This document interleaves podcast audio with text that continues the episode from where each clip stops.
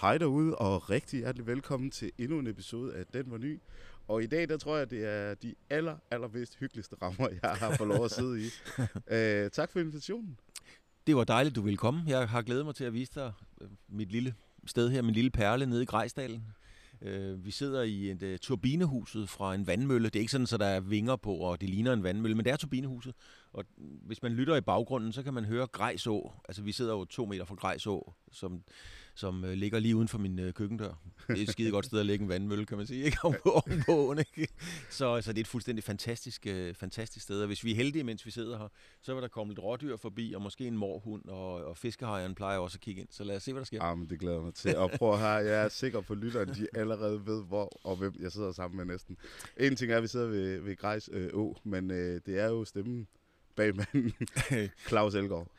Ja, det er jo Puk Storbror, som jeg plejer at sige, når jeg holder foredrag. Ikke? Goddag, jeg hedder Claus, jeg er Puk Storbror. Ja, så. og, i, og i min optik, der, der, er du, øh, der er du the one and only Claus Elgaard, fordi jeg har jo set dig ind i det store fjernsyn igennem mm. mange år, og i min opvækst, når mig og min far, vi sad og så, så sportsnyhederne. Ja. Og, øh, og det har jo altid været med, med kæmpe stor fornøjelse, og så det faktum at få lov at sidde her i dit private hjem, og, og kunne få lov at lege lege vært med en vært. Det er, det er simpelthen fantastisk. Tak fordi du blev med i min podcast. Det vil jeg rigtig gerne. Mm. Det vil jeg rigtig gerne. Vi havde jo, for lige at blive i nutid ganske kort, vi havde jo en uh, fornøjelse af at være sammen i, i Esbjerg nede på Korsgårdbanen i forbindelse med noget reportage af noget motorsport, som ja. mine lytter ved, jeg har rigtig meget med at gøre. Og, øh, og der begyndte vi jo faktisk at, at stifte vores, som jeg siger, nye venskab. Ja, bestemt. Øh, og og det, der var bare ikke langt fra, fra tanke til handling, da jeg, jeg var jo nødt til at spille min chance og sige, jeg har det her, jeg render og laver. Hvad, hvordan går dit mm. liv? Kunne du tænke dig at være med? ja, men det var, det var en god dag, og det var øh, også sjovt for mig. Altså, jeg må indrømme, jeg, jeg har jo arbejdet en del med motorsport selvfølgelig igennem de mange år, jeg har været i tv, fordi motorsport er stort i Danmark. Mm. Men, men rallycross og, og så videre, det, det, det kendte jeg ikke ret meget til. Mm. Men, øh, men det er også dejligt at lære øh, opdage nogle, nogle ting, som man måske ikke sådan har har set så meget til, og, og, og lige pludselig opdage, at det eksisterer derude, og på Korsgrobanen, som jo er en, altså en institution i alt dansk idræt, ikke? Så, så, øh, så var det sgu en god oplevelse, og, og sammen med dig, som altid dig. Jeg har altid været meget fascineret af at være sammen med mennesker, der, øhm, der har en viden om det, de uh, taler om. Det har altid været fascineret. Jeg er sådan set ligeglad med, om, om det er nogen, der samler på frimærker, eller planter æbletræer, eller taler om motorsport. Mm. Jeg har altid været meget fascineret af folk, som har en viden og kan formidle ja. den. Det synes jeg er spændende. Ja, Øh, min viden inden for motorsport er jo selvfølgelig kommet af mit ophav i, i sporten. Mm. Jeg, har jo, jeg er jo født ind i, i dansk motorsport på mange måder øh, i kvæg min familiesammenhæng, ja. og har en onkel, som har, har kørt masser af motorsport igennem tiden. Så, så der er øh, offroad motorsporten for mig. Men Øh, det, er, det, der for mig er, er interessant, er jo samtidig også, at man, man får lov til at oparbejde en mulighed for at arbejde sammen med sådan nogle mennesker som, som dig. Mm. Så, og det er jo derfor, vi sidder her i dag, fordi ja. i dag der er det ikke motorsport. I dag der er det, nu har vi godt nok i min podcast snakket meget om motorsport, for jeg har haft gæster inden for branchen. Men, øh, men, men, men jeg glæder mig sindssygt meget, Claus, til at dykke ned i din verden og, og høre lidt om, hvad, hvad er der sket, siden man lavede den store mission med lille søster Puk det, det til er, nu. der er godt nok sket meget. Er du så færdig, mand? Øhm, der er sket meget, så det, det, heldigvis kan du styre slagets gang, men altså, det er jo det er jo, når vi får ligesom at tegne et billede af, på den ene side, så ja, jeg har været et meget eksponeret menneske, men, men jeg har også altid levet et meget diskret liv. Altså jeg, nu vi snakker motorsport, jeg har kørt en C1'er, nu har jeg så fået en C3'er, men jeg har kørt en C1'er, som har kørt, øh, som kørt 328.000 kilometer. så, så det er jo bare sådan billedligt talt. Altså jeg, på den måde har jeg faktisk levet meget ydmygt og diskret liv. Og nu sidder vi også her ved en dejlig sted, men det er jo ikke noget, der har kostet 2 millioner. Altså, sådan, øh, sådan har livet altid været for mig. At, øh, har du det? Ja, det har det. Jeg har altid sat pris på nogle andre værdier end de materielle goder. Okay. Altså altid. Jeg, det har jeg aldrig gået efter. Jeg har aldrig gået efter pengene. Jeg vil super gerne tjene dem, Mm. Men jeg har ikke valgt ud fra, om noget gav mere eller mindre end, øh, end andet. Og sidste gang jeg blev ansat, øh, der blev ansat på, på, på Radio 4, nu er jeg så skiftet til, til, til Sport Live og, og, og er der. Men øh, da vi var til lønforhandlinger, og det kan jeg fortælle med god samvittighed, der sagde jeg til, øh, til, til chefen, prøv at høre, hun spurgte, hvad skal du have i løn? Så sagde jeg, ved du hvad, det finder du ud af, jeg tror, du er rimelig, og så tager vi den derfra. Og så kom hun med et bud, og så tog vi den der, og jeg gad ikke engang forhandle. Okay, interessant, og det, er egentlig, og det er egentlig lidt sjovt at tænke på, fordi at du netop kommer af en tid, hvor kontrakterne var store. Altså, det, ja. du kom jo op igennem 90'erne, ja. hvor øh, at der var I jo, altså TV2 bullerede derud af, mm. TV2 blev det stiftet 88, mener jeg det var. Ja, 88, ja. Øh, hvor at, jeg har jo læst den der bog øh, om TV2 og den øh, kæmpe boom dengang altså, der var jo penge, det, er jo, det, det fossede jo nærmest ud af faxmaskinerne dengang. Ja, men altså, jeg havde jo ikke noget at forhandle med. Altså, TV2, de, øh, de ansatte jo dygtige øh, profiler fra politikken, Berlingerne, Danmarks Radio osv. Men jeg havde jo ingenting. Jeg er ikke uddannet journalist. Jeg havde ikke noget navn. Jeg var, øh, jeg, jeg var røv og nøgler. Altså, jeg kom fra en lokalradio i Horsens. Så jeg havde jo ikke, øh, jeg havde jo ikke sådan noget at, at, at lægge på bordet så, og ligesom at kræve. Og øh, ja, jeg har så lige været på regionalradioen i, i Danmarks Radio, det var derfra, jeg kom til TV2. Ikke? Mm. Men uden at i går så en være noget som helst. Så heller ikke der havde jeg jo, det sagde jeg også, da Morten Stig øh, ansatte mig. Han sagde, han, vi snakkede også løn, så sagde jeg, Morten, prøv at høre, jeg aner det ikke, men jeg kommer fra en lokal radio, jeg har lige været forbi Danmarks Radio, hvor alt er skematisk. Find ud af, hvad jeg skal have, og så siger jeg ja til det, og så var jeg der så i 17 år. det er faktisk super fedt. det, det, sgu, det, sgu rigtigt, det var præcis sådan, det foregik. det er og, og det er jo Morten Stig, øh, ja. Morten Stig Christensen. Ja, ja. Ja, okay. Fordi Morten, Morten Stig er jo i dag er håndboldchef. Ja, han er jo formand for Danmarks Dansk Håndboldforbund. Ja, lige præcis. En af de store, en, en god venner, og jeg har altid været gode venner med Morten. Et, et, et, et, et godt menneske, altså ham kan jeg godt lide. Ja. Men fra at lønforhandlingerne de blev overstået, og du kom ud i, du blev sluppet fri på TV2. Du fik jo lov at, altså, du, du var der jo. Altså, jeg var der, altså, det, det, det gik ret stærkt. Altså, den helt, altså, den helt korte forhistorie. Mm. Jeg, var, jeg, jeg var på Radio Horsens, som sagt. Jeg havde været i Israel et års tid, øh, arbejdet dernede, trænet karate og forskellige ting. Og så kommer jeg hjem, og så, så er der noget, der hedder øh, lokalradioerne. De var startet, mens jeg havde været væk. Mm. Og så ville skæbnen, at min kæreste skulle op og fortælle om, hvordan det var at være i Israel. Men altså, du er i lytternes egen program og sådan nogle ting. Og så blev hun syg. Og jeg gad sgu ikke, altså det var slet ikke mit univers, det var slet ikke noget, jeg ville. Jeg sad på gulvet og spiste ris, øhm, og var, var næsten lige så skaldet, som jeg er ved at være igen. Ikke? Ja, så, det er øjnene, der ser. så, øhm, men så, må jeg, så skulle jeg jo hjælpe min kæreste, og så øh, gik jeg derop. Og mens jeg sad i studiet og fortalte om, hvordan det var at være i Israel, mm. der bestemte jeg mig for, der sagde jeg til mig selv, Claus, det er det her, du skal. Du skal sidde i et studie og, og, og fortælle, fortælle historier og være storyteller. Okay. Det, det var en principbeslutning, jeg tog. Og jeg gik direkte ud af studiet, ned på arbejdsformidlingen, og sagde til dem dernede, at, øh, at jeg ville gerne arbejde med radio, og så grinede de jo bare af mig. Ikke? Og, så, og så kunne de godt mærke, at jeg mente det. Og så sagde jeg, at der må skulle være en måde, der må simpelthen være en vej, hvor jeg kan komme til at arbejde derop. Og så ville skæbne, at man lige havde lavet noget, der hed Ung i Arbejde. Og jeg fik øh, 26 kroner i timen, og det offentlige betalte 20 kroner, og jeg tror, Radio Horsens betalte, øh, jeg tror, jeg fik 28, 8 kroner i timen. Ja. Og så var jeg der. Og så, øh, ja, så, så skal man jo dygtiggøre sig, ligesom alt muligt andet her i livet. Man vågner jo ikke op mandag morgen og er god til at spille tennis, fordi man har købt en ny catcher. Sådan er livet jo ikke. Man skal ud og træne. Ja. Så mens jeg var på radioen, så øvede jeg mig. Ja. Og det hørte de så på kanal 94, det hed Regionalradioen dengang i, øh, i Vejle. Øhm, og så slog de et stilling op på Radio Fyn. Og øhm, det er igen held, ren held. Altså, der havde, man, der havde man principbesluttet i Danmarks Radios ledelse, at nu ansætter vi en, der ikke er uddannet journalist for at vise... Kan de gjorde det noget oftere lige nu?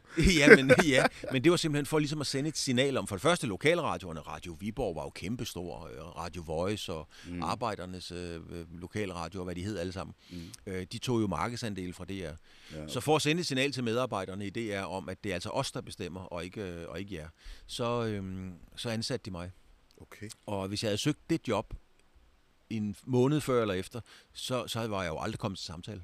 Nej. Men lige præcis der. Og jeg fik opbakningen, når de sagde til mig, Claus, der bliver ballade, og det, jeg skal lige hilse dig at sige, der blev ballade. Altså, altså folk, når jeg kom ind på arbejdet, så altså gik... på arbejdspladsen, ikke også? Ja. Jo, da jeg kom, ja. så gik folk. Folk forlod det jo. Altså, ville ikke sidde okay. i, i kantinen med mig, ville ikke sidde i studiet med mig og sådan nogle ting, fordi jeg ikke var uddannet. Det var ikke noget personligt, det var bare fagkampen. Øh, ja, selvfølgelig. Og jeg var jo knust over det, ikke? Men, men, øh, men, men kæmpede mig igennem det. Mm. Og så kom jeg på, øh, på TV2, og der kan jeg huske, da jeg startede over, var jeg jo lykkelig over bare at være kommet på TV2. Ikke? Mm. Men ret hurtigt, så fandt jeg ud af, at jeg vil gerne være vært. Og så tænkte jeg igen, ligesom på Radio Horsens, altså hvis jeg skal være vært, skal jeg jo øve mig, fordi på et eller andet tidspunkt er alle syge. Og så har de spurgt op i receptionen og ude i værkstedet og alle mulige, der er ingen, der kan. Så kommer de og spørger, Claus, kan du tage den i aften? Og det skete jo også. Okay. Men der havde jeg øvet mig i seks måneder. Jeg havde gået efter arbejde gik jeg ind i studiet, tog nogle manuskripter med, læste op, kiggede i kameraet, gik ture, kiggede i det andet kamera og sådan nogle ting. Jeg øvede mig stort set hver dag på at, at være i studiet. Det er sjovt. Det og, ja, men det gjorde jeg. Altså det, det havde jeg jo fra min sport. Ja. Og, øhm, og så fik jeg chancen, og så gik det rigtig godt. Altså, det var ikke vanvittigt fantastisk, men i forhold til, at jeg jo aldrig havde prøvet det før, så blev det lidt overrasket, kan man godt sige. Ikke? Mm. Og så øh, sagde Flemming Toft, han sagde til mig, at det er det vigtigste, jeg har lært inden for, for medier. Det er det aller, aller vigtigste. Han sagde, Claus, du skal altid være i sproglig form. Og så sagde han, en, en maratonløber skal være i fysisk form, og en fodboldspiller skal være i en anden form, og, og så videre. Men hvis du skal kommentere og være vært, så skal du være i sproglig form. Og du skal øve dig på dit sprog, ligesom en højdespringer øver sig i at hoppe højt, eller en golfspiller øver sig i at potte. Du kan ikke bare sidde derinde og lade sproget komme, fordi så falder du i alle klichéerne. Du skal være i sproglig form. Så begyndte jeg, når jeg løb en tur, så kommenterede jeg landskabet. Jeg stoppede op ved et træ, og så sagde jeg, kiggede på klokken, så sagde jeg, nu har du to og et halvt minut, du er på live. Og så skulle jeg lave en reportage om det træ, eller gik ind i en lade, eller et eller andet. Altså, det er, fa- det er faktisk tiden. meget sjovt, du siger det der, fordi at min, min spæde start. Jeg er jo lidt yngre end dig, må jeg godt sige. Det er de fleste. Efterhånden, ikke? jo. Altså, men øh, men øh, jeg har jo den samme drøm, det ved du, det har vi snakket om ja, ja. Øh, øh, under kaffen. Og, øh, og, og jeg gjorde faktisk det samme. Øh, jeg kommenterede på musikbegivenheder. Mm-hmm. Og i dag, der kan jeg have det sådan, at hvis jeg hører en, en, en vært, jeg laver også fejl, øh, men hvis jeg hører en vært i tv, ja. ikke være i trit, mm. så så brokker jeg til mig til min kæreste. så sådan, du ved, hey, hvorfor siger de ikke det der? Hvorfor spørger hun ikke om det der? Ja. Eller, kom nu, mand. Ja, men det er jo en, det er jo en arbejdsskade, kan man sige. Ikke? Ja. Altså, det gør man jo. Ja. Altså, det, kan man, øh, det, det, er nogle gange, at det skulle belastende, at man sidder og lytter efter de ting. Og jeg har bestemt heller ikke... Øh, fejlfri på sproget, slet ikke. Men, Nej, men, men jeg kan høre, at mange af de unge, der kommer i dag, de, øh, de har ikke respekt for sproget. Ja, det tror jeg på. Det, er, det, det har de ikke. Man hører ofte unge kommentatorer sige, så er der halvleg i en fodboldkamp. Ikke? Det er der sgu ikke, fordi i halvlejen spiller man fodbold, men i pausen, mellem de to halvleje, der går man ned og får en kop te og snakker om, hvad der skal ske. Ikke? Oh, altså, så, sådan en ting. talking. ja, og det er sådan en klassiker, ikke? Og så ja. det der med at spille mod og vinde over og så videre, ikke? Øhm, det, det bliver der også blandet rundt på i cykelsport. Der det bliver... tror jeg, jeg vil sige det samme. ja, men i cykelsport bliver der så også kørt ind på den sidste kilometer. Altså, der, der er jo ikke noget, der hedder en kilometer, vel? Så hedder det også en, en meter, eller en centimeter, eller en millimeter. Eller, oh, ja, okay. Det hedder en kilometer, den sidste kilometer, ikke? Det hedder ikke en kilometer. Det hedder ikke en... Hvor lang er den? Den er en meter. det har jeg tænkt over.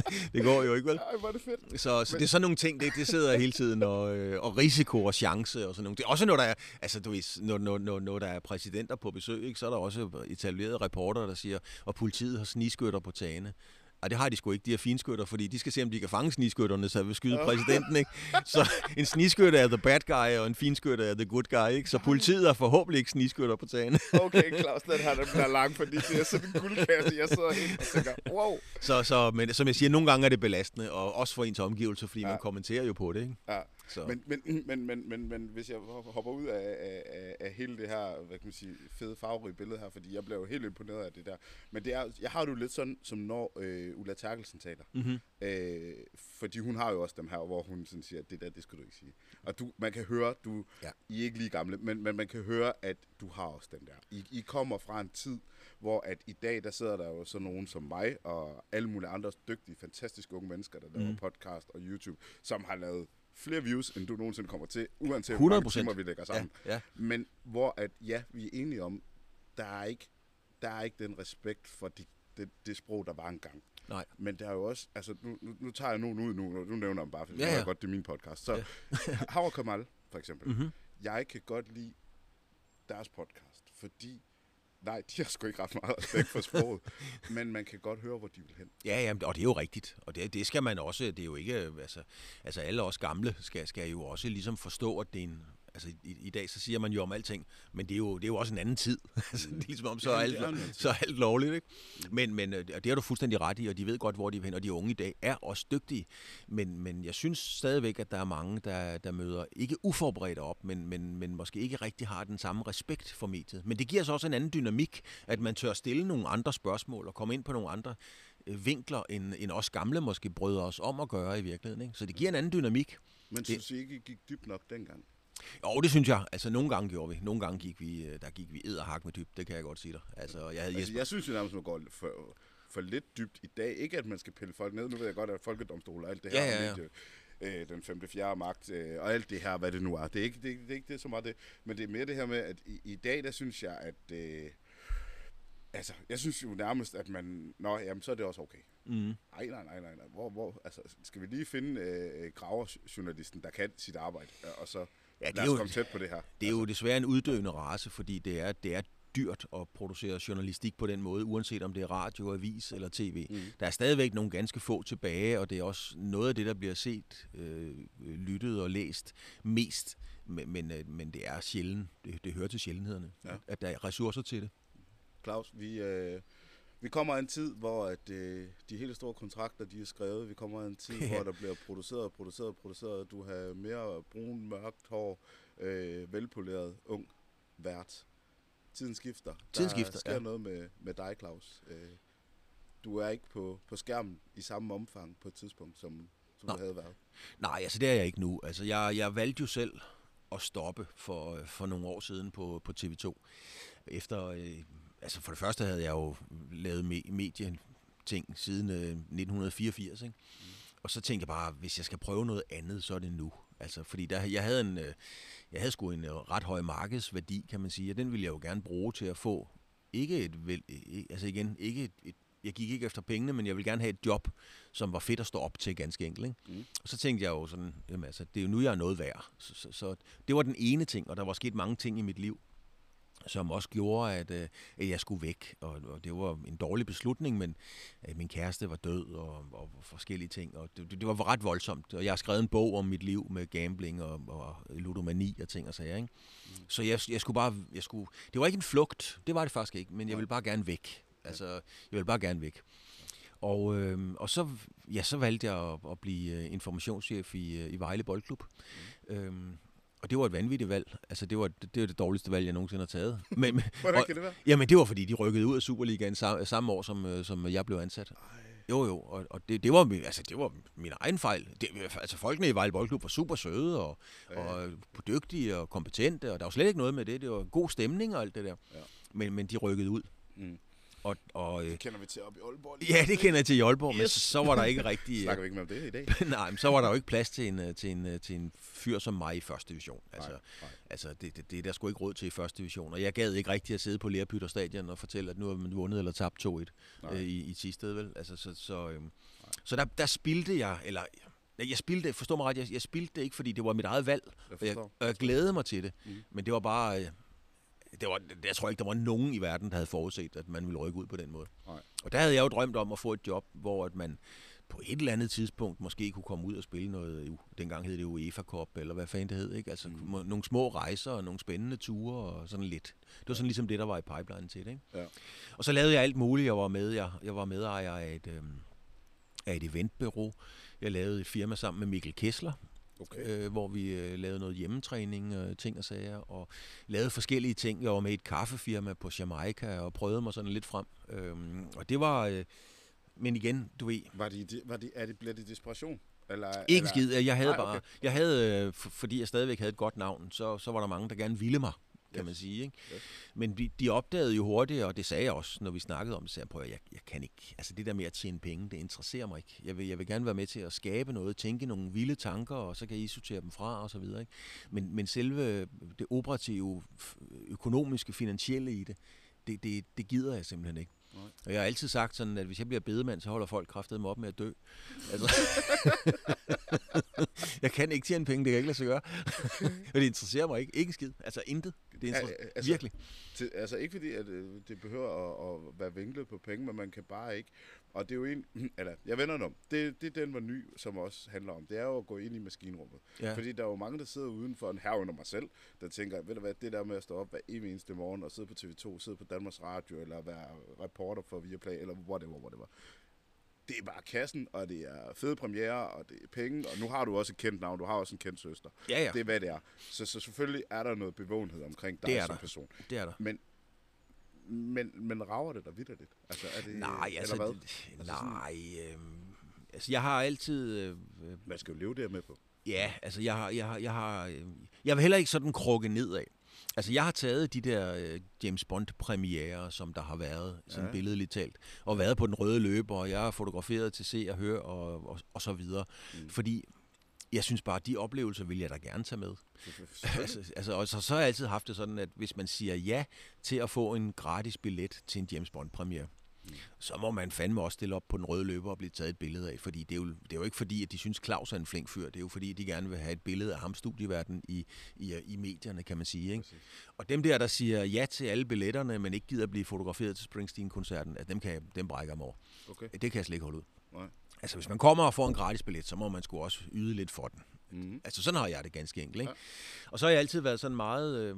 Øh, jeg, jeg udkommer med en bog her øh, ganske snart, og den skal vi snakke om øh, senere, tror jeg. Men, ja, men, men, men i den bog fortæller jeg jo også, at øh, jeg altid har sagt til min søster, jeg har altid sagt til Puk, Puk, lad nu være med at tro, at du lever oppe på den pedestal, som, som en fætteret studievært bliver løftet op på.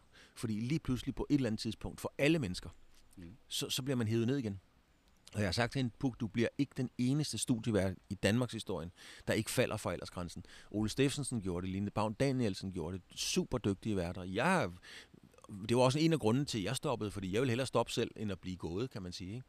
Er, det, øhm. er det det, I føler? Altså nu, nu siger jeg I, fordi det skal ikke være nogen hemmelighed, at øh, der er nogle, nogle, nogle tv-værter i, i mit hoved, som jeg er kæmpe stor beundrer af. Det er mig og ham, det fryg her, det er Danielsen. Jeg ved godt, det er nogle af de største. Ja, de er dygtige. Ja. Jeg elsker Puk mm. oprigtigt, og du ja, ja. ved, jeg siger ikke noget, jeg ikke nej, nej. Øh, og, og, det er, øh, og det er fordi, jeg mærker, at jeg er helt hjemme i stuen. Mm. Altså, jeg kan mærke, at øh, det kan godt være, at I sidder med øh, ekspræsident, eller et eller andet, et eller andet, men I er mennesker. Og, det, og, og så kan det godt være, at jeg er mega meget for Nordjylland lige nu, men det kan jeg godt lide. Det er noget, der, der ja. tænder mig. Ja, men altså det har, det har jo i hvert fald været Puks og min styrke, kan man sige. Det er jo, som jeg startede med at sige, altså jeg, jeg er altid fascineret af folk, der, der ved noget om noget og kan lide at fortælle det. Mm. Og, og det er jo altid sjovere at fortælle en historie til nogen, der lytter efter. Mm. Og, og de folk, som, øh, som, som Puk og jeg interviewer, de kan jo godt mærke, at vi lytter efter. Mm. Og derfor fortæller de meget ofte også mere, end de måske ville have fortalt så mange andre. Jeg har jo haft det her program på Radio 4, der hedder Fremkaldt, mm. og det har været citeret i, ikke alle programmerne, men rigtig mange af dem har været citeret i, i store medier, altså virkelig. Mm. Fordi der kommer nogle ting frem. Altså, og det er jo fordi, når du sidder, som jeg siger, og, og, og taler med en, der lytter efter, så har man også lyst til at fortælle noget mere.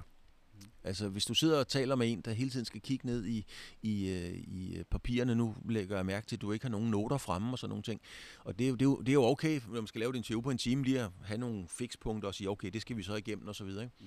Men når du sidder og bliver interviewet af en, der hele tiden, når, når vedkommende har stillet et spørgsmål, og så kigger ned i noterne, øh, så tager du jo interessen for at, at sige noget.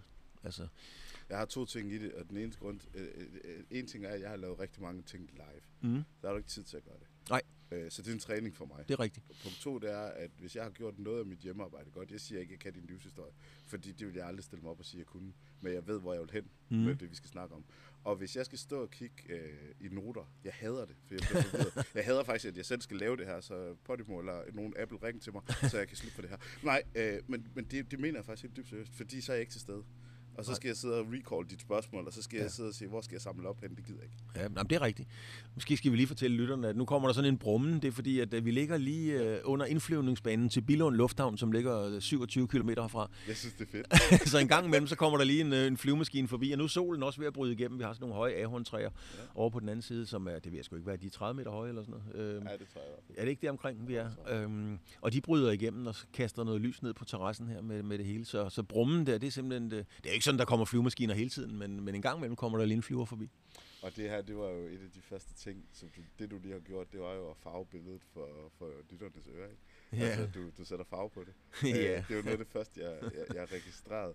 Der var en eller anden for det, jeg ikke kan huske, hvem, der, der sagde sådan om journalistik, at hvis du, hvis du sidder i tv, så kan folk se det. Mm. Men hvis du er i radio, så skal vi huske at farve billedet. Vi ja. skal lægge farve på billedet. Ja. Jeg tror faktisk også, at Paul siger det om sin sange. Ja, men det er, jo, det, er, det er jo også rigtigt, og det er jo en, altså, det er jo en kliché, og selvom man skal undgå klichéerne... Ja, det var fordi, jeg synes, det var fedt. Ja, men, men, men, men øh, selvom jeg siger, at man skal undgå klichéerne, så, så er det jo bare sådan, at det ofte er klichéerne, der beskriver tilværelsen bedst. Det altså, det er det jo ikke.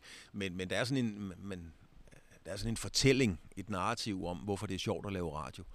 Øhm, et lille barn, der bliver spurgt, hvor, hvorfor, hvorfor kan du godt lide at høre radio? Og så, så svarer barnet, fordi der er sådan nogle dejlige billeder. og det er jo i sig selv ganske smukt, ikke?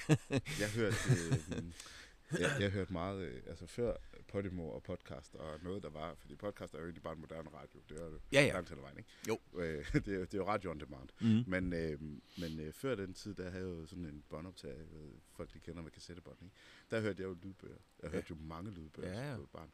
Og personligt tror jeg, tror jeg faktisk egentlig, at en ting er, at radio og tv er jo blevet blandet sammen i en kæmpe kasket i dag. Ikke? Jo. Altså, når man sidder i podcaststudie, så er de også videokameraer ja, ja. på. Ikke? Så det det jo vlogs, og det, det skal jo hænge sammen. Men pointen er, at øh, jeg tror for mig, øh, et af de medier, jeg tror nok, jeg elsker allerhøjst, så tror jeg, det er radio.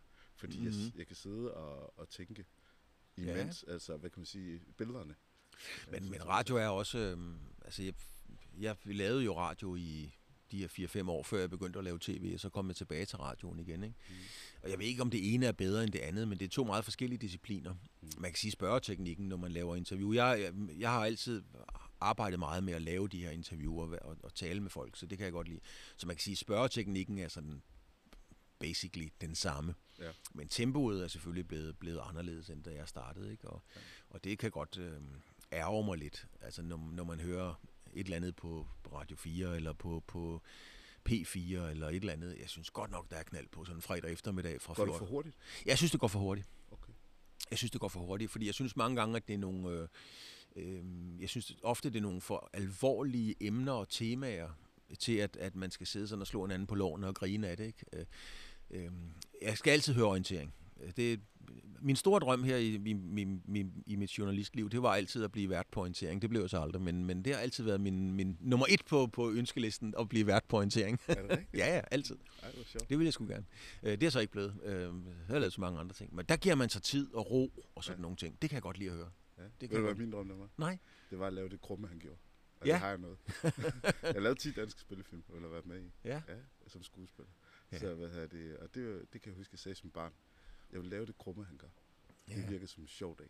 Ja, det er en sjov dag. Det var, det det, ikke ja. og jeg kan huske første gang, der var jeg, ved, jamen, hvor i, i Faxe, eller hvor vi var henne, øhm, der var jeg med i, øh, i, i, hvad hedder det, DR's øh, tv-serie.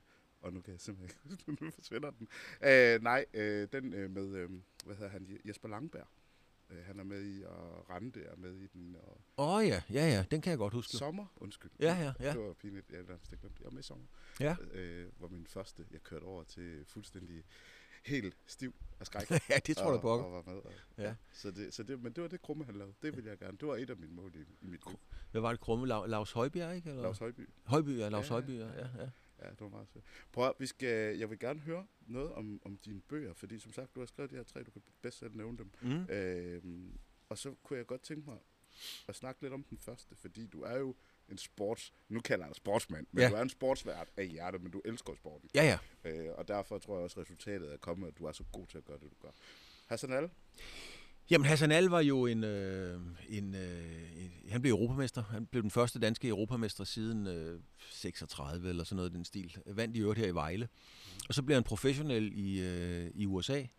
Og øh, jeg synes, at han var et godt afsæt. Det var, øh, det var et godt afsæt til at lave... Det, var en, det er jo ikke en boksebog, men at lave en miljøskildring af, hvordan var det. Han, Hassan var jo en af de første, der med hans far kom til, øh, til Danmark i slut 60'erne der og blev, øh, blev hentet op og blev behandlet som lort jo. Altså, Ja, ja. altså vi, vi, det var jo Danmark, der bad nogle folk om at komme, ikke? og så kunne man som et minimum altså, byde dem på en kop kaffe, ikke? men det gjorde man jo så ikke. Mm. Øhm, så det var ikke prangende, for, synes jeg, for, for Danmark. Men, men at, at, at lave en, en miljøbeskrivelse af, hvordan er det egentlig at være tyrker i Danmark. Fordi der var ikke ret mange, øh, på det tidspunkt var der ikke ret mange forbilleder øh, med tyrkisk oprindelse. Øh, Der stod heller ikke ret mange tyrkere i magasiner og solgte, og solgte parfume. Der stod ikke ret mange tyrkere i de fine møbelforretninger. Der var, faktisk, der var ikke ret mange tyrkere, der var revisor eller, eller mødte os nede i banken. Vel? Der var bare ikke ret mange. Og så kunne øh, Hassan ligesom blive en rollemodel, og så kunne man, øh, så kunne man øh, fortælle historien om, om at blive integreret igennem Hassan Al. Ja. Det var det, der var, var ideen med det. Og Hassan var meget, meget tæt på at skulle bokse om verdensmesterskabet i, øh, i Madrid mod Javier Castillero. Det blev så Michael Rast, Michael Rast der gjorde det i stedet for. Okay. Men, men øh, det var en tyrefægterarena, hvor tyrene bogstaveligt talt, der sad fem- 15.000 mennesker, og tyrene stod bogstaveligt talt, altså lige bagved, og, og, og skravede mod øh, hele det der, da, da, de, da de boksede derinde. Og hvis det var lykkedes, at Hassan, fordi Hassan kunne godt have blevet verdensmester, rent Mm. faktisk. Mm. Hvis Hassan var blevet verdensmester, så havde det jo været en bog, der var interessant over hele verden. I hvert Ja. fald i Tyskland og Belgien og Holland og alle de andre Ja, steder, hvor der kom tyrker. Ikke? Ja, bestemt. bestemt. Øhm, Men Hassan nåede så jo fed over i USA, og, og jeg siger der bare, man, altså jeg har kæft, hvor har jeg bøvlet. Ja, vi er super gode venner, der er slet ikke noget der. Ja. Øhm, men hvor har jeg bøvlet med ham. Han skulle bokse på 67,6 kilo, ikke? det var jo planen. Men jeg har været over nogle gange, men så vejede han 83, ikke? han skulle bokse 14 dage senere. Jo, jo, jo. Han levede bare det søde liv og kørte rundt i en rød Corvette Stingray. Ja, han havde det var, liv, ham der. Ja, jeg siger dig bare, mand. Jeg siger dig, mand. Jeg har bare løbet sammen med Hassan Allen på det mest berømte gym i boksene overhovedet, det hedder Fifth Street Gym i, uh, i, på, på Miami Beach. Der trænede Muhammad Ali, der trænede Joe Fraser, der trænede alle de store, alle sammen. Okay. Uh, og der skulle vi så lave nogle optagelser, en indvejning og nogle ting og sager. Og der vejede Hassan bare alt for meget, og modstanderen ville jo ikke bokse. Jo, han ville have nogle flere penge og sådan nogle ting, ikke? men Hassan skulle ned i vægt, mm. og han fik to timer til det. Og jeg havde smoking på, fordi vi skulle lave tv derovre Det er sådan en amerikansk boksning, der har man ofte smoking på. Så. Altså han to timer til, jeg er nødt til at stoppe, han to timer til at komme ned i vægt. Ja, han skulle smide, og det er sådan noget, modstanderen gør for, for at dræne ham for væske. Man var blevet enige om, okay, vi bokser kampen alligevel på det, der hedder en catchweight, så bliver vi enige om det. Men så skal den anden modstanderen jo have nogle flere penge, og så ja. videre. Ikke? Ja. Nå, men, og så vil han have, at Hassan skulle smide 3 kilo, fordi at, øhm, så, øh, så vil han gerne bokse. Men det er jo for at, at svække ham, kan man sige. Ikke? Ja, han blev sværere til kampen. Og der var 30, 35, 40 graders varme. Fem, I hvert fald 35 graders varme. Ikke? Og øh, så løb vi rundt i Miamis gader, og Hassan han tog en, øh, en, øh, sådan en sort affaldssæk, øh, klippede hul i bunden og tog den ned over sig, og løb i 35 graders varme. Og jeg løb ved siden af i, i, i smokingbukser og laksko, og havde taget, og havde taget skjorte og jakke af, og vi løb jo rundt. Og hver gang vi kom forbi den der café, så er der bare siddet nogen derinde og tænkt, hold kæft, nogle idioter, mand. Altså, vi løb rundt der. Og så kom han ned. Ja, det var sgu sjovt, men det var sjovt at skrive bogen. Ja. Øhm, ej, for nogle knaller der. Ja, det var nogle knaller der. Med. Og så, altså man kan sige, men, men Hassan han smed det jo væk. Ja, okay. det kan jeg godt sige, fordi det har jeg talt med ham om. Ikke? Jo, med al respekt. Altså, han, øh, han troede jo, at... Han, han opdagede jo, at, at når han ikke var i form, så fik han bare nogle dårligere modstandere. Og til sidst, så var de så dårlige, så, så han faldt jo selv i niveau, ikke? Ja, ja, ja. Han blev ikke holdt til ilden. Øhm, og det var, men det var et kæmpe eventyr. Jeg var i USA to gange om, om måneden, jo stort set i, i to år. Ja. Og var i, øhm, i Vegas og i Miami og, og Tampa, Clearwater, og det var nogle fantastiske oplevelser. Mm. Så det var sjovt at skrive den bog om Hassan El. Ja. Den blev ikke det, den skulle være, men, men det, var sjovt, det var sjovt at arbejde. Men når du laver en bog, som, som, som du gør om, om Hassan El, og du, du, du skriver den jo fra ende til anden selv. Ja, ja, det gør jeg. Ja, altså du, du sætter det hele op og gør det på den old school måde, og kapitel for kapitel, og, og finder på det, der skal skrives, mm. og, og selvfølgelig ud fra noget research og sådan noget. Så, øhm, så laver du en bog som den her, men, men den næste bog, du kommer til at lave, den handler jo ikke så meget om og den handler, sport, men den, mere om dig. Den handler om mig. Den handler om mit liv i... Øh... Og nu beklager vi altså. Nu, nu sidder vi udenfor. Nu sidder vi udenfor. Og nu, nu, der, nu er der nogen, der har brug for hjælp. ja, nu, og det var faktisk meget på min egen bog, fordi jeg havde edderhak med brug for hjælp. Det kan jeg godt hilse at sige, da det var værst. Altså, jeg var jo, jeg var jo virkelig... Øh...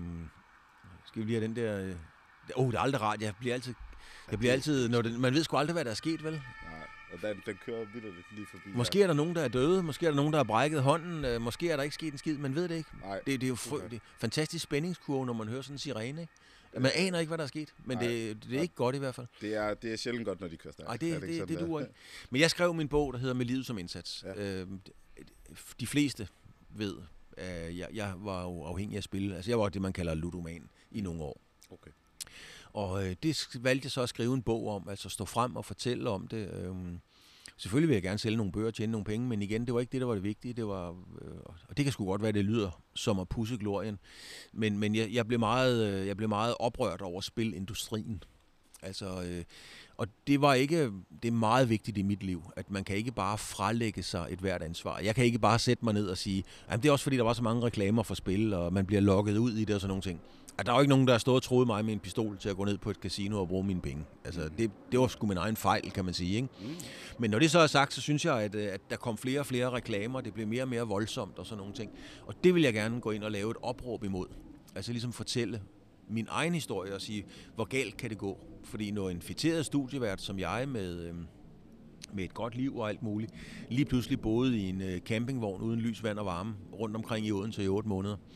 Altså, øh, så, så, øh, og var jo tæt på at begå selvmord selv. Ikke? Altså, mm. så, så, så, så kan det jo ske for alle, kan man sige. Ikke? Så jeg vil bare gerne fortælle den historie. Altså, pas nu på. Tænk jer nu for helvede om, inden I, uh, inden I gør noget. Og alle af din slags, og især øh, de der, der har været med i, i mange år, de vil skyde mig, hvis jeg ikke kan stille et kritisk spørgsmål. Ja. Hvornår fandt du selv ud af det? Jamen, det gjorde jeg... Øh, ja, hvornår fandt jeg selv ud af det? Det gjorde jeg... Øh, det gjorde jeg nok i 2002. Altså, øh, jeg, alle misbrugere, hvis man er misbruger, og ikke der, der er jo mange naboer og ekskærester og sådan nogen, der siger, at han eller hun er misbruger, uden vedkommende måske reelt er det. Men hvis man rent faktisk er det, vi kalder misbruger, så ved man jo godt selv, hvornår den er gal. Ja. Altså, det kan godt være, at man ikke ligesom vil acceptere det, men når man lægger sig på puden, så ved man godt, den er gal.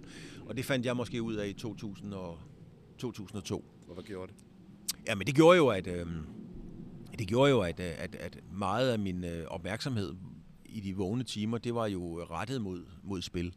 Altså, jeg havde to ting, som, som øh, fyldte hele mit liv. Det var mit, mit arbejde og, øh, og, og, og mit gambling, kan man sige. Ikke?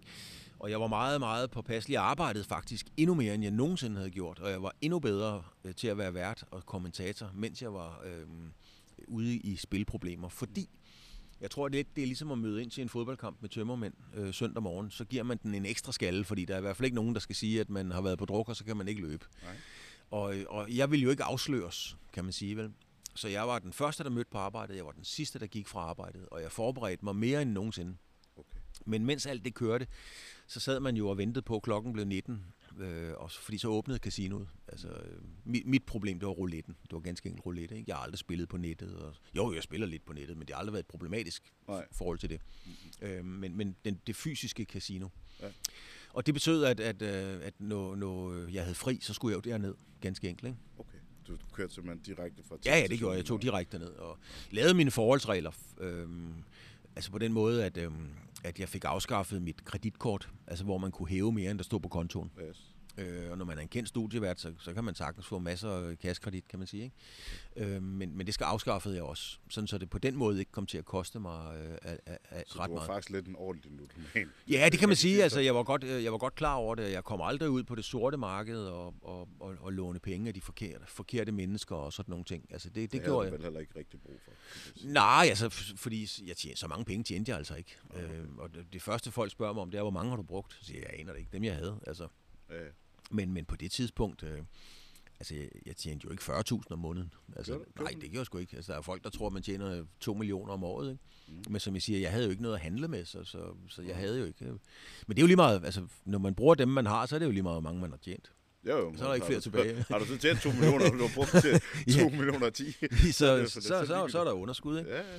Så øhm, jeg lavede mine forholdsregler, mm. og, øh, og så på et tidspunkt, så fandt jeg bare ud af, at, øh, at, nu var jeg nødt til at tage et valg. Altså enten ville jeg jo dø af det, eller også så, øh, så, så skulle jeg jo gøre noget. Mm. Øh, og så valgte jeg at gå i behandling ned hos øh, Center for Ludomani. Mm. Og det er faktisk en meget sjov historie, fordi at, øh, jeg havde haft øh, Michael Jørsel, som er leder af Center for Ludomani, i studiet flere gange der med ludomani. Det begyndte at komme mere og mere op. Der var fodboldspillere, der stod frem og sådan nogle. Hvad pokker var det her ludomani for noget? Ja. Og Michael var inde og, og fortælle om det. Og, øh, og vi blev gode venner, og han er en af mine allerbedste venner den dag i dag. Men da jeg så kører ned på, på Center for, for, for Ludomani, så ringer jeg til ham, og så ja. siger jeg, hej Michael, det er Claus Elgaard, kan du huske mig? Og så siger han, det kunne han, det kunne han sagtens, så grinede han. Ja. Ja. Så siger jeg, øh, Michael, jeg har brug for din hjælp igen. Nå, så siger Michael og griner sådan lidt. Altså sådan er du lidt. faldet igen, ven? ja, nej, så siger han, nå, hvem er det så den her gang? Og så, blev, så holdt jeg sådan en lille pause, så sagde jeg, det er mig. Og så blev han sådan helt, øh, helt stille i telefonen. Ikke? Der var jeg på vej ned på Center for Ludomani. Ja. Og så sagde han de legendariske ord. Så siger han, Nå, hvad skal vi gøre ved det? Og så siger jeg til ham, det håber jeg fandme, du kan finde ud af, Michael, fordi det er derfor, jeg ringer til dig. Og når Michael og jeg, vi mødes, og det gør vi ret ofte, så ja. siger Michael for eksempel, øh, vi skal have et glas rødvin, så siger jeg, ja, hvad skal vi gøre ved det? Så, så den der tale, den der, hvad skal vi gøre ved det, den, den har fulgt os uh, siden 2005, tror jeg det er. Ikke? Ja, det, det er blevet en talemåde. Nå, hvad skal vi gøre ved hvad det? Hvad skal vi gøre ved det? Ja, du skal rette ind i køkkenet og åbne ja, lige præcis, ikke? ikke? Altså, det kan også være, skal vi snart ses? Ja, siger Michael, så hvad skal vi gøre ved det? Så, så det er sådan, uh, det er fuldt os. Ja, det er faktisk meget sødt. Ja, det synes jeg det er det sgu. Så, så der gik jeg i behandling, og, ja. øhm, og jeg kan med god samvittighed sige, at øh, jeg kan faktisk ikke huske, om det var i fem eller seks, men jeg går i behandling. Øhm, og øh, jeg, jeg kan helt ærligt sige, at jeg har ikke været på et casino i Danmark siden. Altså det har jeg ikke, fordi så ville der være nogen, der har taget et billede med, med, med en mobiltelefon og sige, nu er jeg tossen her igen. Jeg holder rigtig mange foredrag om gambling, ikke? Mm. Øhm, det har jeg ikke været. Jeg har været det i udlandet, og, og det har jeg været, fordi at meget boksning, som jeg jo kommenterer, mm. det foregår på casinoer.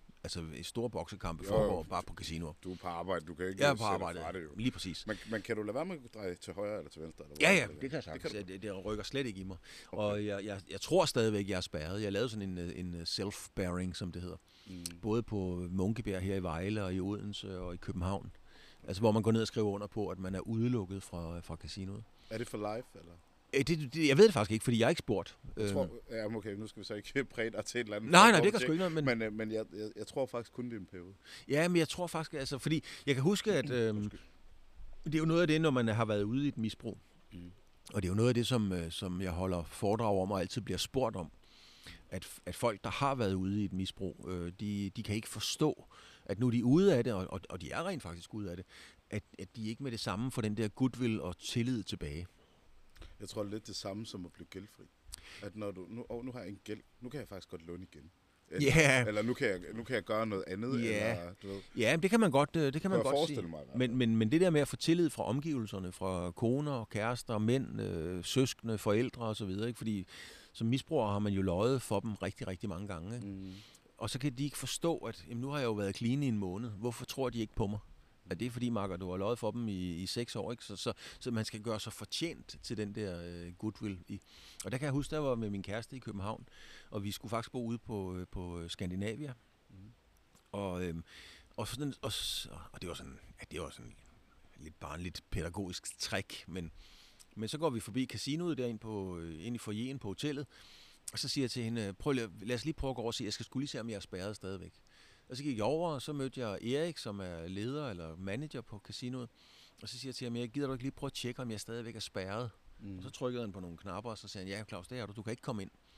Så sagde jeg til ham, nej, men det skal jeg heller ikke. Men jeg vil bare lige være sikker på, om jeg stadigvæk var spærret.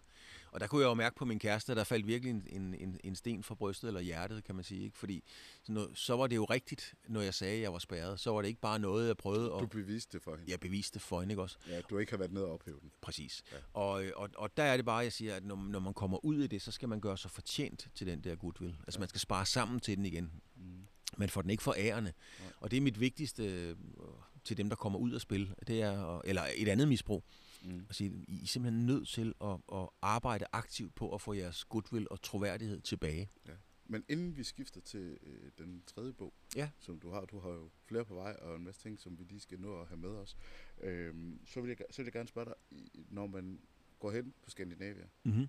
man går hen og tjekker, men det er jo ikke hvem som helst stadigvæk, der går hen og tjekker. Det er jo stadigvæk Claus Elgaard. Ja. Har du nu den der øh, forfængelighed, stolthed? Nej.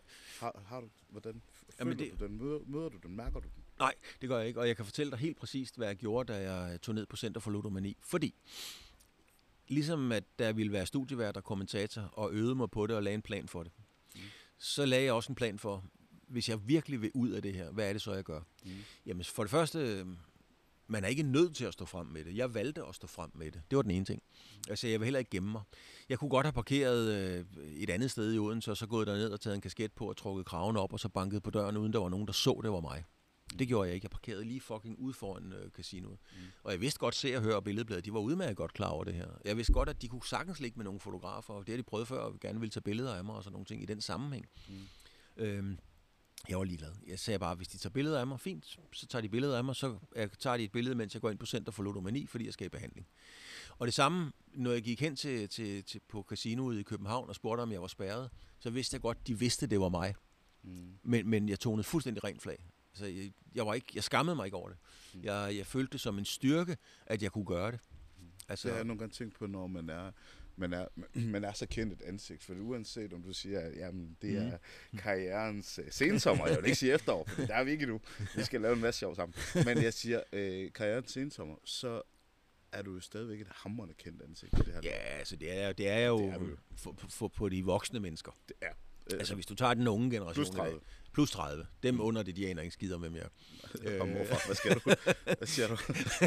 Det her, det hedder Joe and the Juice. ja, ja, ja, ja, det er ikke engang løgn. Jeg tror, der går forkert. ja. Har du mobile pay? Ja, lige præcis. det har jeg jo ikke. Det kan jeg, ikke, det, det kan jeg sgu ikke finde ud af. Det har jeg rent faktisk ikke. Er det rigtigt? ja, 100 procent. Seriøst? Ja, 100 procent. Jeg, kan Okay. ikke, jeg kan ikke finde ud af det. Så jeg har sgu ikke mobile pay. Så, øh, så det er jo en anden generation, ikke? Men det er klart, at, at, at, at de voksne mennesker, de ved jo godt, øh, hvem jeg er. Ja. Ja. Selvfølgelig gør de det. Og, og det øh, har jeg stadigvæk meget sjov ud af, og sådan nogle ting, og glæder mig over det, og sådan nogle ting. Men, men det er altså ikke sådan, at, øh, at jeg går øh, når jeg går i Føtex og lige kigger i, i spejlet, eller hvis der er en glasplade, når er der nogen, nogen bagved, der går og snakker om, der går ham der, eller, eller håber på, at de, de genkender mig. Nej, okay. Det, er- det, er, altså- det, er- det er Det faktisk er over i dag. det er long gone, du. Det kan jeg godt sige dig. det er fuldstændig ligegyldigt. Fuldstændig og bedøvende. Vi skal, vi skal til at snakke om, øh, vi skal bruge det sidste kvarter rigtigt. Ja. Øhm, og øh, det vil jeg rigtig gerne bruge på at snakke om din øh, seneste bog. Ja. Fordi der er jo ikke kun dig i. Nej. Der er der masse navne i. Ja. Øh, og dem, der har lyttet med de første 45 minutter her, de ved godt, at det kun er dig og mig, der sidder og snakker, men derfor Mm. har du jo fået en tilladelse til at omtale bogen. Ja, ja, bestemt. Og der er jo nogle, nogle ret store navne der i, øh, Ja, som, sige, altså. som du kan komme nærmere ind på lige om lidt. Hvad får dig til at, at skrive den her bog og fortælle de lytteren, hvad den hedder? Jamen, altså, jeg har skrevet en bog, der hedder Kollaps. Ja. Og øh, den handler øh, helt enkelt om øh, 10 kendte, meget kendte mennesker, øh, som har været nede og bide i asfalten. Mm. Det er Michelin-kokken Thomas Hermann, der bruger det udtryk i bogen. Øh, været nede og bide i asfalten. Altså virkelig nede. Ikke bare der, hvor man tænker, fuck man, nu øh, jeg er tømmermænd og, og så videre, men altså, hvor man virkelig har været deprimeret, selvmordstroet og, og været langt, langt nede. Ikke? Mm. Øhm, den bog blev jeg opfordret til at skrive af et øh, forlag, og det gjorde de, øh, fordi at jeg selv har været der. Mm. Øhm, og, og ligesom på den måde ville have et alibi for at kunne spørge. Det er langt fra alle, der bare siger ja til at være med, når jeg spørger om noget. Mm. Men fordi jeg selv har prøvet det, mm. så kan jeg godt tillade mig at banke på døren, uden at overskride en grænse. Fordi Ja. de ved, at jeg selv har været der, kan Yes. man sige. Ikke? Så kan det være, at de siger ja eller nej. Mm. Øh, de, de sagde faktisk ja, de første 10 ud af 12, de sagde faktisk ja. Men, øh, men, men det, som jeg gerne vil fortælle med bogen, det er ikke, øh, det er ikke så meget, hvorfor de gik ned. Det er, det er folk, som Jesdorf Petersen er med. Mm. Øhm, han har jo været ude i den her MeToo-sag, og som mm. vi sidder og taler her i høj grad, er ude i en MeToo-sag. Øh, Ja, ja, det er, den er jo slet ikke afsluttet endnu. nej, Men nej bog- fordi jeg siger ja, det er fordi, at øh, nu så jeg lige, at han var i gang med nogle, En retssag her. nogle øh, nej, nogle foredrag, vil jeg sige. Ja. Ja. Øh, har lige været oppe i det nordjyske og lavet nogle, nogle foredrag, så, så hvor meget og hvor lidt, det ved jeg ikke. Jeg er kæmpe fan langt hen ad vejen af, af den gode gamle Jesdorf, Ja, ja. og, og har ikke sat mig ind i, i, i historien, og har egentlig ikke nogen dybere holdning til Nej, det er, og det er også vigtigt at sige, at bogen bruger slet ikke tid eller spalteplads på at fortælle, om Jesdorf er skyldig eller uskyldig Nej, eller, eller er uretfærdigt dømt. Slet, slet ikke. Slet Nej. ikke. Men riser lige, og det er gennemgående, det er ikke så vigtigt, hvorfor de her, mm, det er alle sammen mænd, hvorfor de her mænd er gået ned. Man er nødt til at kende historien, så den bliver ridset op og fortalt, hvorfor de gik ned. Men, men, men det interessante, synes jeg først starter, når de fortæller om, hvad, hvad de gjorde, da de fandt ud af, at hvis de skal tilbage til livet, Mm. så er de nødt til at gøre noget aktivt selv, ligesom jeg selv gjorde. Ja. Kørt ned på Center for Ludomani og så videre. Ikke? Ja. Og alle sammen er jo sådan nogle, øh, Jesdorf er med, Manu Saren er med, vores tidligere minister der, ikke? Ja. Øh, Thomas Hermann, Michelin Kong, Jens Vækkerby, øh, Lars Elstrup, der meldte sig ind i en sekt og, og så videre. Ikke? Mm. Så det er meget kendte mennesker, og det er så nogen, man i daglig tale vil kalde, men det er sådan nogle vindertyper, eller, eller sådan noget. Nogle folk, der har levet på den røde løber-agtigt. Ja. Og, øhm, og de har jo alle sammen tænkt, åh, oh, jeg har det skidt lige nu her, men, øh, men der går lige en tre, måske fire uger, så er jeg sgu på toppen igen, ikke? Men det har taget lang tid, og nogle Ja. af dem er jo slet ikke over det endnu, men på vej, kan man sige, ikke? Så det, der er interessant i bogen, det er, hvad har de gjort for at komme tilbage til livet? Ja. En af dem, øh, øh, Jesdorf, begyndte at gå til præst. Ja. En anden en begyndte at læse om, øh, om øh, Ydøjer, forfærdelige, øh, det der skete på Ydøjer med, med, med, med Breivik og så videre. Ikke? Mm. Men for at, at gøre livet relativt. Mm. Altså man får det jo ikke værre af, eller bedre af, at der er andre, der har det værre. Nej. Men, men man kan måske perspektivere det lidt og Mm. sige, okay, øh, jeg har mistet mine penge, eller jeg, min, min, mine børn gider ikke tale med mig. Men jeg lever, og jeg, jeg har ikke slået nogen ihjel, og så videre. Ikke? Altså Ja. perspektivere, sætte, sætte livet i perspektiv og relief. Ikke? Ja. Og det har, det har det mange af dem haft glæde af. Og, og så er præmissen for bogen er ikke, at, at de skal vågne op om morgenen, og Manu Saren skal blive udenrigsminister, eller statsminister, eller Jens Vækkerby skal blive sportsdirektør på øh, Quickstep, eller sådan noget. De skal bare vågne op om morgenen, trække gardinet fra, synes, det er fedt at have givet det en chance mere. Og embrace det, og, ja, og lige komme præcis. derud igen. Kom derud igen, ikke? Og være ja. glad for at leve. Ja. Altså være glad for livet. Men føler du, du er, føler du, du er det samme sted? Fordi en ting er, at du rammer asfalten. Mm. Øh, og, og ja, øh, spil for mig gør ikke noget. Nej. Jeg kan godt lide at vinde, når jeg kører i en racerbil, som vi har yeah. snakket om, eller, eller gør mig til en dygtigere vært i håb om, jeg bliver det en dag. Øh, men, men, men spil for mig rykker ikke noget. Jeg kan Nej. ikke engang finde ud af odds, som Nej. du ikke har en mobile pay. Altså, jeg kan ikke finde ud af det. Nej. Men, men, men, men jeg kan da godt lide, at nå fedt, jeg vandt til 10 kroner, halløjsa. Ikke? Ja. Øh, men føler du, du har været derhenne, fordi du har, i min optik, har du måske mere været skældt ud, hængt ud lidt, end Jesdorf, der vidderligt slås med noget, hvor halvdelen af kønnet kan risikere at være imod ham. Ja.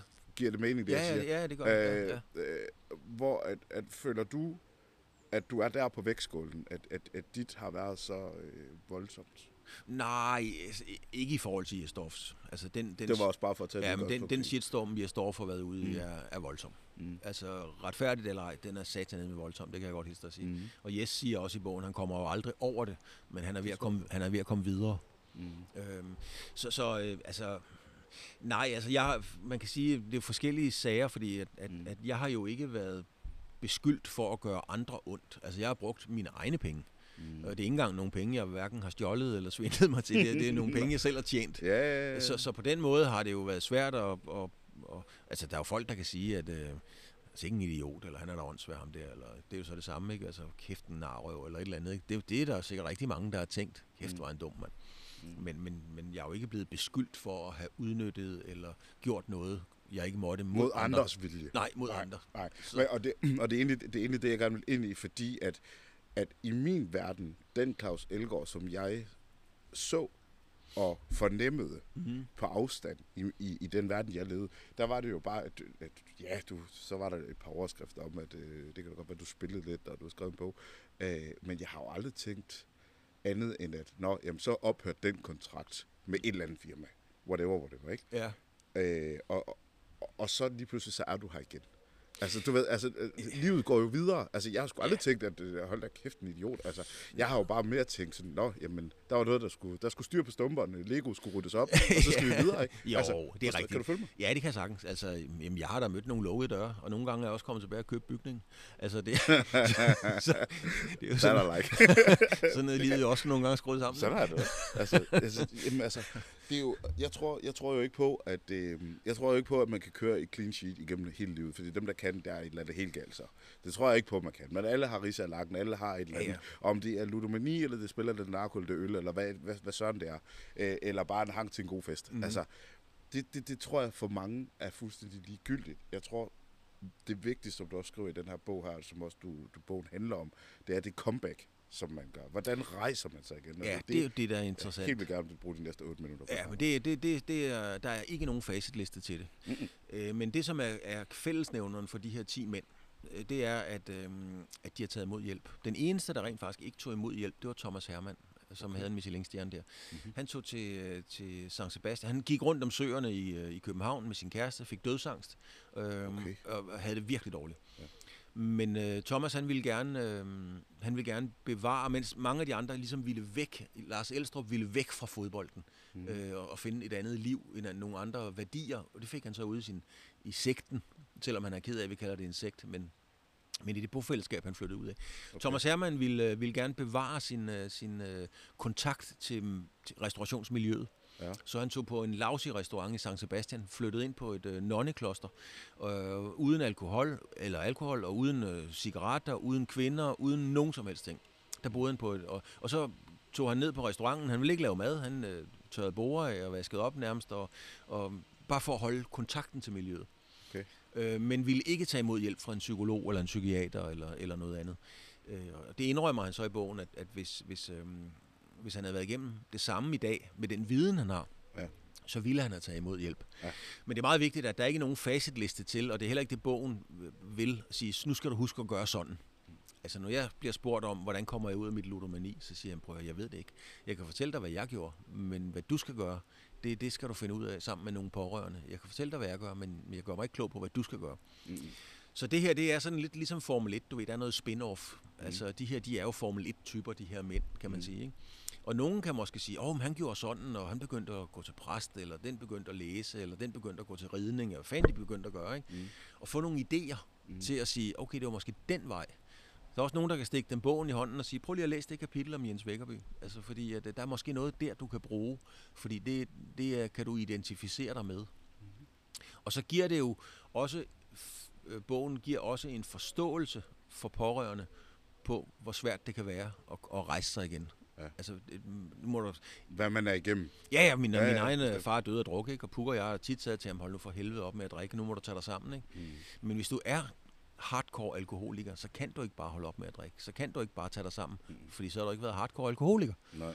Altså, Nej, så, så, så der ligger nogle helt andre ja. mekanismer bag. Der ligger nogle andre mekanismer. Men det, der, det, som jeg også synes, der er interessant i det, og det har sådan været min kæphest i mange år, det er også en af grundene til, at jeg valgte at sige ja til at skrive den bog, det er identitet. Øh, min meget, meget, meget gode ven og, og, og, og, og, og kærlige ven, Jesper Skiby, mm han var jo identificeret med at være den sjove cykelrytter, ikke? Jo, Jamen, det, jeg, det var bare, jeg vil bare give dig reaktion. Jeg smiler bare, du siger det Ja, men han er jo fantastisk. Øh, ja. Men han har jo skrevet en bog, der hedder En gang var jeg Jesper Skiby. Okay. Og det refererer jo til, at når han ikke mere kørt på cykel, øh, hvad, hvad er han så? Mm. Det var det spørgsmål, han stillede sig selv. Og jeg har jo interviewet, nu nævner jeg Jespers navn, fordi han selv har skrevet den bog, men jeg har jo interviewet rigtig, rigtig, rigtig mange sportsfolk, som er identificeret med deres sport. Mm. Hvor sjove og interessante er de, når de ikke mere bokser? Hvor interessante er de, når de ikke mere kører på cykel? Hvor interessante er de, når de ikke mere... Altså deres identitet var bundet op på det. Ja. Og mange af de her folk, som er med i den her bog, deres identitet er jo også bundet op på at være den person, de er. Nogle ganske få folk, de bærer i sig selv. Altså i, i min verden, Preben Elke er et interessant menneske, uanset om han spiller fodbold eller ej. Altså, han kan bære i sig selv. Men har, har han været det, hvis ikke vi kendte til fodbold tidligere? Det, det tror jeg stadigvæk, fordi at, uh, han, han er et, et menneske i balance. Og, mm. og det, det, det, det, de her folk også har lært, det er at, at, at, at kunne bære i sig selv. Ja. Du kan miste dine penge, du kan miste din kone eller din mand, du kan miste mange ting. Det kan man uh, godt overleve og komme videre med. Det er sur røv, men, men, men det er til at, at se sig ud af. Men når du mister din identitet, mm. så er du fucked. Det kan jeg godt sige dig så er du fucked. Og det var det for, for min eget vedkommende. Mm. Da jeg var, øh, også da jeg stoppede på TV2, mm. Jeg, jeg ville gerne stoppe, inden jeg blev opdaget, og jeg skulle væk fra alt det der halvøje og sådan nogle ting og sager. Ikke? Men hvis jeg var blevet opdaget på TV2, nu tror jeg godt, der var mange, der vidste men prøv at forestille dig, at det var kommet frem, at uh, Claus Elgaard fyrede på grund af ludomat. Så ville jeg, når jeg gik ned i Føtex, så ville folk tænke, ah, der går ham studieverden, der blev fyret, fordi han er, han er ludoman. Mm min identitet bagefter var stadigvæk, der går ham studieverden, han er måske en meget flink fyr, og han er også meget dygtig, hvad må han laver nu? Men der var ikke nogen, der tænkte, der går ham ludomanen. Nej. Så, så forstår du, hvad jeg mener? Ja, 100%. Så, så, så, så jeg var bange for at miste min identitet. Og de her, i den her bog, de har i deres eget selvopfattelsesbillede mistet meget af deres identitet. Ja. Og så er man fandme på røven, du. Det kan jeg godt sige dig. Så er man langt ned, og så, så er man, man tæt på asfalten. Så, så, er du, så er du ved at være der. Men der vil jeg godt stille et hurtigt spørgsmål, kortfattet. Det er, når, du, når, når vi taler om identitet, den måde, du ser dig selv på i dag. Mm. Jamen, jeg, det kan jeg godt fortælle dig. Det, ja, lad mig høre. Ja, ja, ja. Jamen, altså, jeg ser mig Jeg skal selv. nok hurtigt få svar på, hvad jeg ser, morfar. jamen, altså, jamen, lige præcis, ikke? Altså, jamen, jeg er fyldt 60. Øh, ja. Jeg er sgu i god form, altså, i forhold til så mange andre 60 år. Jeg, jeg, jeg er i god form. Jeg løfter vægte hver dag og, og får trænet. Jeg sidder i et par joggingbukser, der står nummer 17 på, ikke? Ja, øh, du ser ret sporty ud, jo. Jamen, altså, sådan, øh, jeg, jeg har altid sådan noget tøj på og sådan nogle ting. Og jeg går ikke op, som sagt, i de materielle. Jeg prøver, prøver at se, prøv at kigge dig omkring. Jeg sidder, ja, det, ja, det, er det, er det smukkeste sted i Danmark, mand. Ja, og hvis ikke, hvis ikke øh, Claus selv skal sige det, så, så, så vil jeg... Vi sidder på en træterrasse med, øh, som man kan høre her, trapjælkerne øh, hen over åen, der, der løber med ekstremt stærk strøm i, og, og hvad du kalder det, det er en mølle, hvad, hvad det hedder? Det er, det, det er turbinehuset. Det er turbinehuset. Ja, altså, altså turbinen ja. fra vandmøllen står her. Ja. Men, og det er et meget godt billede på, hvordan jeg gerne vil opfatte mig selv. Altså, mm. jeg har jo... Øh, ja, det kan jeg godt lige vise dig. Mm.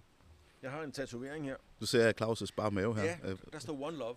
Ja. Fordi One Love, det er jo ligesom uh, mit motto ja. øh, i, i, i tilværelsen, ikke? Ja. Og, og nu smider jeg sgu lige trøjen her også, fordi ja, nu bliver det spørger, spændende. Jeg skal beskrive mig selv, ikke? Ja, ja, så, ja. Okay, så nu, nu sidder Claus faktisk i bar overkrop her. Det tror jeg sgu ikke, der er mange, der har fået den her. Den var ny. øhm, heroppe, der står ja, øh, Feeling good is good enough for me. Ja. Det er for me and Bobby McGee. Ja, okay. Og det er jo meget sigende for, hvor, hvor jeg er, hvor jeg gerne vil være. Feeling good is good enough for me. Hvis jeg har det godt, så er det, så er det Ja, rigeligt til mig. Det er ved siden af nogle små tændstiktegninger af mine børnebørn. Ikke? Ja. Herover står der Go in Beauty. Ja.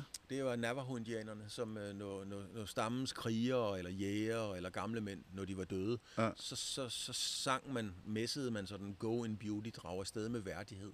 Ja. Øh, og jeg har, det kan man bare læse min bog, har sandt for døden ikke opført mig værdigt altid, men derfor kan man godt sætte pris på værdien. Ja. Så, så hvis du lægger alt det her sammen, Ja. Feeling good is good enough for me, One Love og Go in Beauty, Ja. Jamen, så, så synes jeg selv, at jeg er en, øh, en, en, en gammel flipper, øh, et gammel blomsterbarn, som, øh, som sidder på en terrasse i Grejsdalen og, og, og, og er i pagt med mig selv. Det, det synes jeg faktisk, jeg er. Jamen, det er der ingen tvivl om, du er. For at du sidder her øh, smider trøjen i en alder af 60 år, og det hele det står, så var du snor lige 25, mand. Altså, Claus, du er sej. Det, det, det mener jeg virkelig. Og øh, Claus, jeg er... Øh, vi kunne blive ved. Ja, det Og, og, og, og, og det sværeste ved at lave et godt interview, det er faktisk, at man, øh, man skal finde et sted at stoppe. ja. Og, øh, og, og, og, og helt naturligt oven på, på det her, der, der vil jeg sige, at jeg fik noget, der var nyt. Jeg fik virkelig noget, der var nyt, og noget, jeg aldrig har prøvet før. Men, øh, men jeg håber, Claus, at det faktisk ikke er sidste gang, vi må have lov til at grave ned i, i din historie. Fordi du har jo en fremtid. Det tror jeg godt lige sådan perifært. Vi vil ikke afsløre, hvad det noget hedder. Men du skriver jo derudad. Ja. Og det kan jo være, at vi en dag må få lov til at dykke ned i endnu en. Ja, og jeg, jeg, jeg, der kommer faktisk en bog mere i, i, i- februar. Nu som vil jeg ikke afsløre noget, så det kan du selv få lov til. Ja, det er, det er med, en pro, med en professor, der hedder Werner Møller. En Ja. kontroversiel professor. Mm. Der handler om gambling ud fra et filosofisk synspunkt. Ja. Og det er... Ja, det er jeg spændt på, fordi jeg skriver med... Han er jo mildt sagt noget klogere end jeg er, ikke? Og i øvrigt et super fantastisk menneske, Werner. Men, men det er fandme spændende at skrive med sådan en fyr som om. Claus, det er du også selv. Tusind, tusind tak, fordi jeg må have lov at komme her til Altid. Du skal være velkommen. Det er jeg rigtig, rigtig glad for. Og prøv at høre, her har man ikke fået nok af Claus Elgaard, så synes jeg, man skal gå ind og følge ham på de sociale medier, der hvor man kan. Claus er bare privat på mange måder, men øh, alligevel øh, meget gæstfri. Og øh, har du en historie, som øh, burde passe ind i, øh, i det her koncept her, så skriv ind til podcast tv. Eller undskyld, skriv til den var ny podcast tv, gmail.com, så, øh, eller fang os på de sociale medier. Så kan det være, at øh, vi tager din historie op. Claus, endnu en gang, tusind tak. Tak fordi jeg måtte være med. Altid.